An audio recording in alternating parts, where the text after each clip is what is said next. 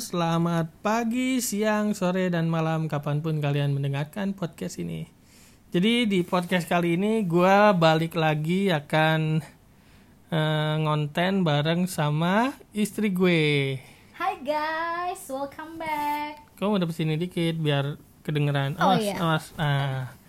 Jadi kita saat ini lagi di kasur, di balik selimut lagi. Kita mau ngobrolin soal the world of marriage couple. Jadi judulnya yang benar apa sih? World of the marriage or the married couple? Married, the world of married couple. Oh, Sesuai married banget kan couple. dengan cerita kisah perhidupan perkawinan. Iya, jadi eh, awalnya gue sempet eh, udah tahu lah sempet tahu tentang drama Korea ini karena banyak teman-teman gue yang posting di sosial media. Terus gue sempat juga lihat yang keributan-keributan di meja makan itu dari sosial media sempat viral tuh. Terus eh, di minggu kemarin ya, Mm-mm. minggu kemarin tuh istri gua tiba-tiba excited dia tuh biasanya kayak yang anti sama Korea Koreaan gitu apalagi kayak yang K-pop at- ataupun cowok-cowok yang yang apa sih Dan dan. Eh, bukan boy band apa sih mereka nyebutnya K-pop itulah gitu kan Hmm.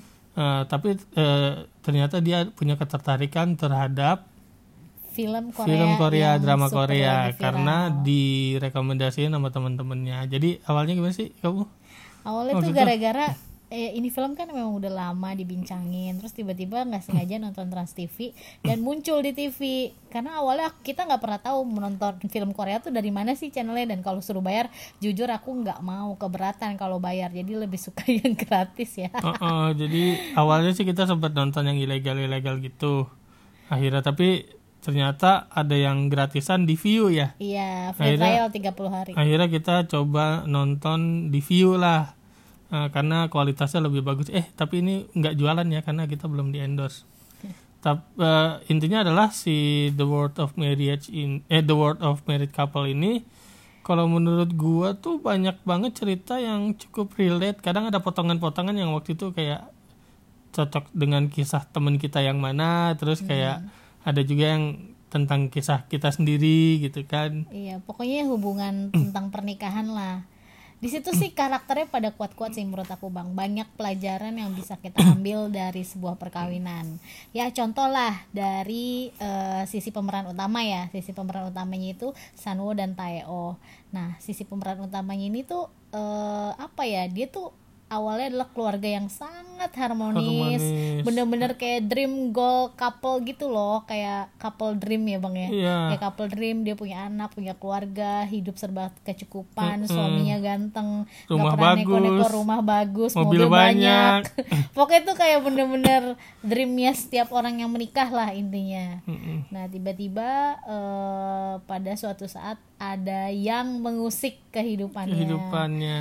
jadi apa ya pesan moralnya sih kalau dari film itu sebenarnya kalau dari sisi peran utama ya lu harus setia lah sama pasangan lu gitu loh kalau selingkuh jangan sampai ketahuan gitu Kalau bisa ya jangan sampai selingkuh. Dodol. salah Nanti ya banyak yang pengen lagi gitu. Jadi kalau mungkin kalau untuk filmnya sendiri kalian coba tonton langsung lah. kamu aja suka ya bang ya Eh, gua aja yang tadinya lumayan skeptis tapi ternyata di episode 1 sampai sampai 8 itu eh, drama Korea ini ternyata lumayan meng apa ya menggugah hati, menggugah emosi, terus eh, sempat terbawa suasana juga gitu kan. Eh, kemudian tapi setelah episode belakang tuh 8 itu agak menurun tensinya karena mungkin penonton dikasih sedikit napas lah ya. Hmm, buat gak deg-degan ya Ah, tapi di eh, di mulai episode berapa tuh? Mulai episode 12 ke atas tuh mulai lagi tuh konflik-konfliknya terjadi.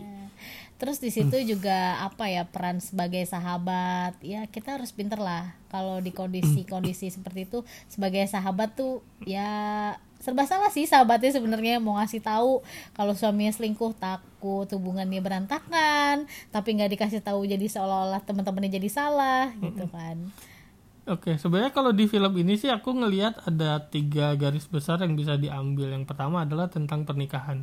Mungkin di podcast ini kita nggak bakal cerita banyak tentang filmnya ya. Tapi intisarinya adalah pertama yang penting sa- saat pernikahan adalah komitmen. Kemudian eh, yang kedua itu dari persahabatan gitu kan persahabatan gimana gimana kita bisa membangun eh, persahabatan yang positif lah bukan yang saling menutup-nutupi kesalahan. Terus yang ketiga adalah tentang pekerjaan eh, di mana kita harus tetap profesio- profesional eh, Apa pun baik kondisinya. apa pun kondisinya saat kondisi mental kita sedang tidak sehat ataupun sehat kita harus tetap profesional. Terutama kalau misalkan eh, lo lagi nggak merasa sehat ya lo punya jatah cuti ambil aja jatah cuti cutinya Ya sih, itu Gitu. related sih filmnya recommended sih menurut gua. Karena bagus gitu loh. Bener-bener apa ya, related ke kehidupan dari sisi perkawinan, dari sisi pertemanan, dari sisi pekerjaan, semuanya tuh kayak ada di film itu gitu loh. Banyak eh, ilmu atau pesan moral yang bisa diambil sih dari film itu. contohnya apa Eh, kan tadi aku bilang tiga tuh pernikahan persahabatan sama pekerjaan kita fokus di situ deh yang, Ya, yang pertama ya. misalkan dari yang pernikahan ya kalau pernikahan kalau dari sisi aku ya ya kita harus eh, setia sih kalau film itu menunjukkan kita harus setia kita harus istilahnya kalau lu udah kawin ya lu jangan pernah coba yang lain lah. Karena belum tentu yang lain itu memang menggoda tapi belum tentu dia bisa menggoda tuh dalam arti belum tentu bisa membahagiakan selamanya gitu. Kalau ada tuh bang aku pernah baca kalau lu eh, ada istilahnya ya ada eh, cewek yang pertama sama cewek kedua dan lu nggak bisa mikirin nggak bisa berhenti mikirin yang kedua. Ya udah tinggalin yang pertama. Karena kalau lu fok kalau lu sayang sama yang pertama lu nggak mungkin akan ada yang kedua. Mm-mm. itu sih. Terus ada juga pepatah rumput tetangga selalu, selalu lebih terlihat lebih hijau.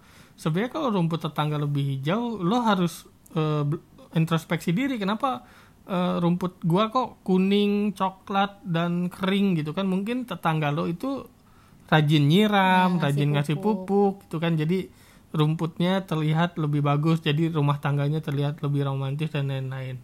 Kalau gua ngelihat dari sisi per- yang tadi pertama dari sisi pernikahan adalah benar tadi masalah komitmen. Terus dari awal itu kan kalau dari ceritanya sendiri si pasangan ini dari awal menikah mereka udah punya komitmen. Kalau misalkan lo ngeras apa suka sama orang lain atau jalan sama orang lain kita harus sama-sama ngasih tahu. Gitu supaya eh, terbukalah dan mengerti kondisinya.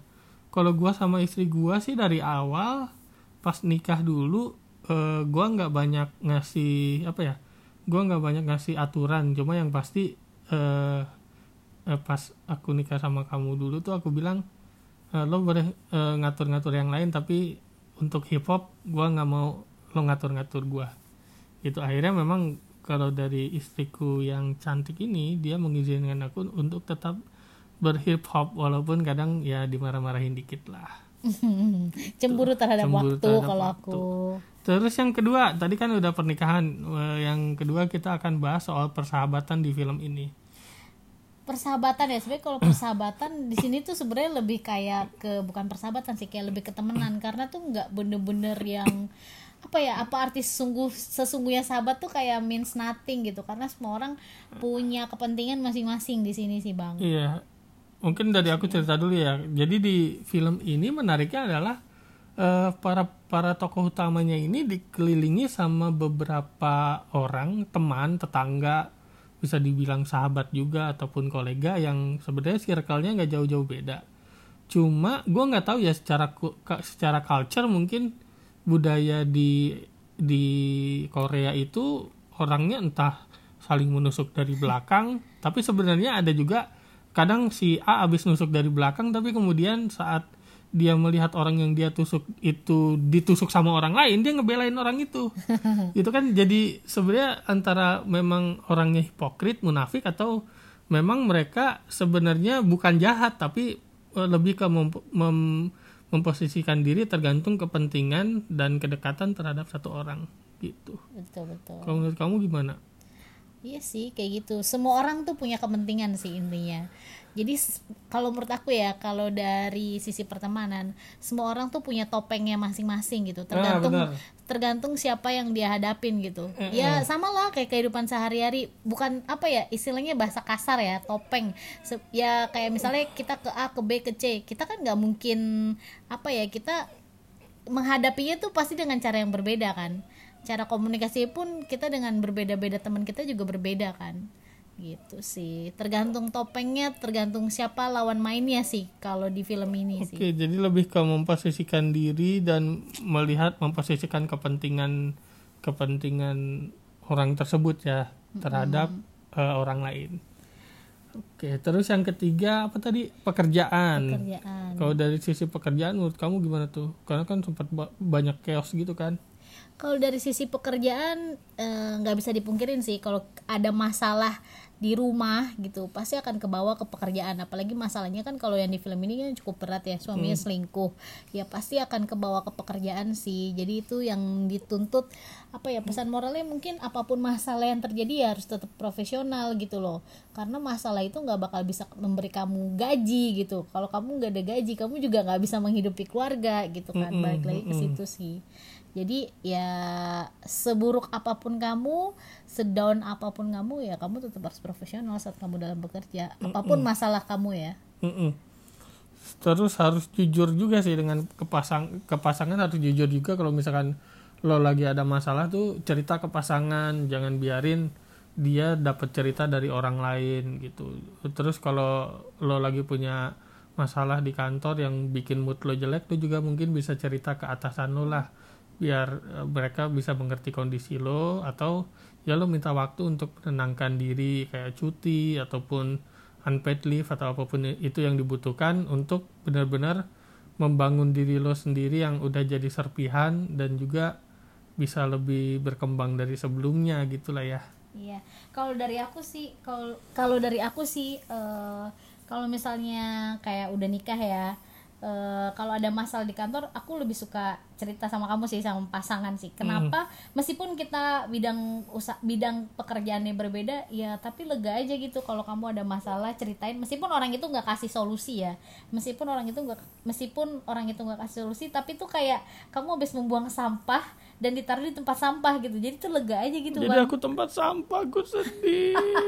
Daur ulang ya. daur ulang kan Aku mendaur kamu udah ulang. recycle lagi Iya, kan di recycle, di reduce, reuse, recycle. ya karena karena gini sih bang karena kadang kalau terkait masalah ya orang itu tuh nggak perlu solusi. Orang itu tuh udah tahu solusinya apa. Orang itu tuh kalau setiap masalah ya udah tahu kalau lu kayak gini ya masalahnya tuh solusinya kayak gini tuh. Tapi dia tuh cuma butuh didengerin, Didengerin. cuma butuh diakuin kalau lu- Afirmasi ya. iya, kayak lu tuh cuma butuh diakuin kalau oh iya lu lagi bermasalah. Oh iya lu lagi ada masalah. Oh iya lu lagi nggak beres nih diri lu cuma butuh diakuin kalau lu ya nggak apa-apa lu lagi nggak beres it's fine. Kayak gitu. Nggak butuh solusi sih karena solusi sebenarnya orang itu juga udah tahu harus ngapain. Mm-mm. Mungkin eh, bahasan ini nyambung dengan podcast gua sebelumnya yang tentang 100% di rumah dan 100% di kantor. Jadi eh, ya eh, kita kan dalam kehidupan memang harus membagi waktu bersama keluarga dan juga bersama teman-teman di kantor dan pekerjaan gitu. Tapi kalau misalkan kita bisa 100% untuk jadi orang rumah di hari yang sama pas di luar jam kerja Eh, dan kita tetap jadi 100% saat kita berada di waktu kerja gitu. Jadi jangan sampai menomorduakan keluarga lah gitu. Karena apa pun yang lo lakukan pekerjaan lo mencari uang lo naikin karir dan lain-lain kan sebenarnya eh, yang pengen bik- eh, yang pengen lo bikin senang selain diri lo sendiri itu kan keluarga lah. Gitu. harta yang paling berharga adalah apa ya keluarga lah beb. Uang banyak. Gitu. Jadi sebenarnya uang jadi percuma juga sih kalau eh, lo cuma memanfaatkannya untuk diri sendiri dan gak berbagi dengan orang lain. Gitu. Jadi kalau menurut kamu film ini gimana? Recommended. Recommended ya. Tapi kalau menurutku jadinya terlalu kepanjangan sih belakangan ini. Harusnya mungkin di Bisa di-cut ya, episode di episode episode 12 atau 13 tuh udah selesai lah karena konfliknya ke belakang takutnya jadi terlalu mengulur-ngulur waktu jadinya kayak sinetron-sinetron di Indonesia Iya sih. Tapi boleh Gitu. lah buat dicoba, apalagi lagi WFH gini kan. Jadi ya kalau apalagi bioskop juga tutup gitu kan Ya. hiburan, ya boleh lah buat menghibur diri bisa jadi alternatif karena, hiburan karena banyak pelajaran yang bisa diambil sih dari film ini. Mm-mm. kalau bisa sih nontonnya di link yang legal ya. Walaupun bayar eh, Atau kayak di puluhan TV ribu. juga ada, iya di Bang. TV juga bisa. Tapi kayak mungkin udah kelewat deh. Kalau yang baru mulai mungkin sekarang udah episode 5 kayaknya. Besok iya. udah episode 6 kayaknya udah terlalu lewat jauh. gitu. Karena kan produksi film tuh banyak banget kar- apa pekerja kreatifnya dan juga mereka yang di industri itu juga butuh pendapatan lah. Gitu kayak Ya, kita kita semua gitu aja pesan dari kita iya stay safe ya guys. semuanya. Stay kita lawan safe, covid guys. bersama.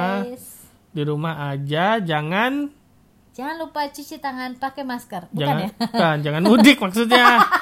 Salah. Gimana lagu Salah. lagu itu? Jangan mudik jangan dulu sampai mudik lebaran, lebaran ya gitulah. lagunya siapa itu? Band Raja, Raja. tuh enak juga sih.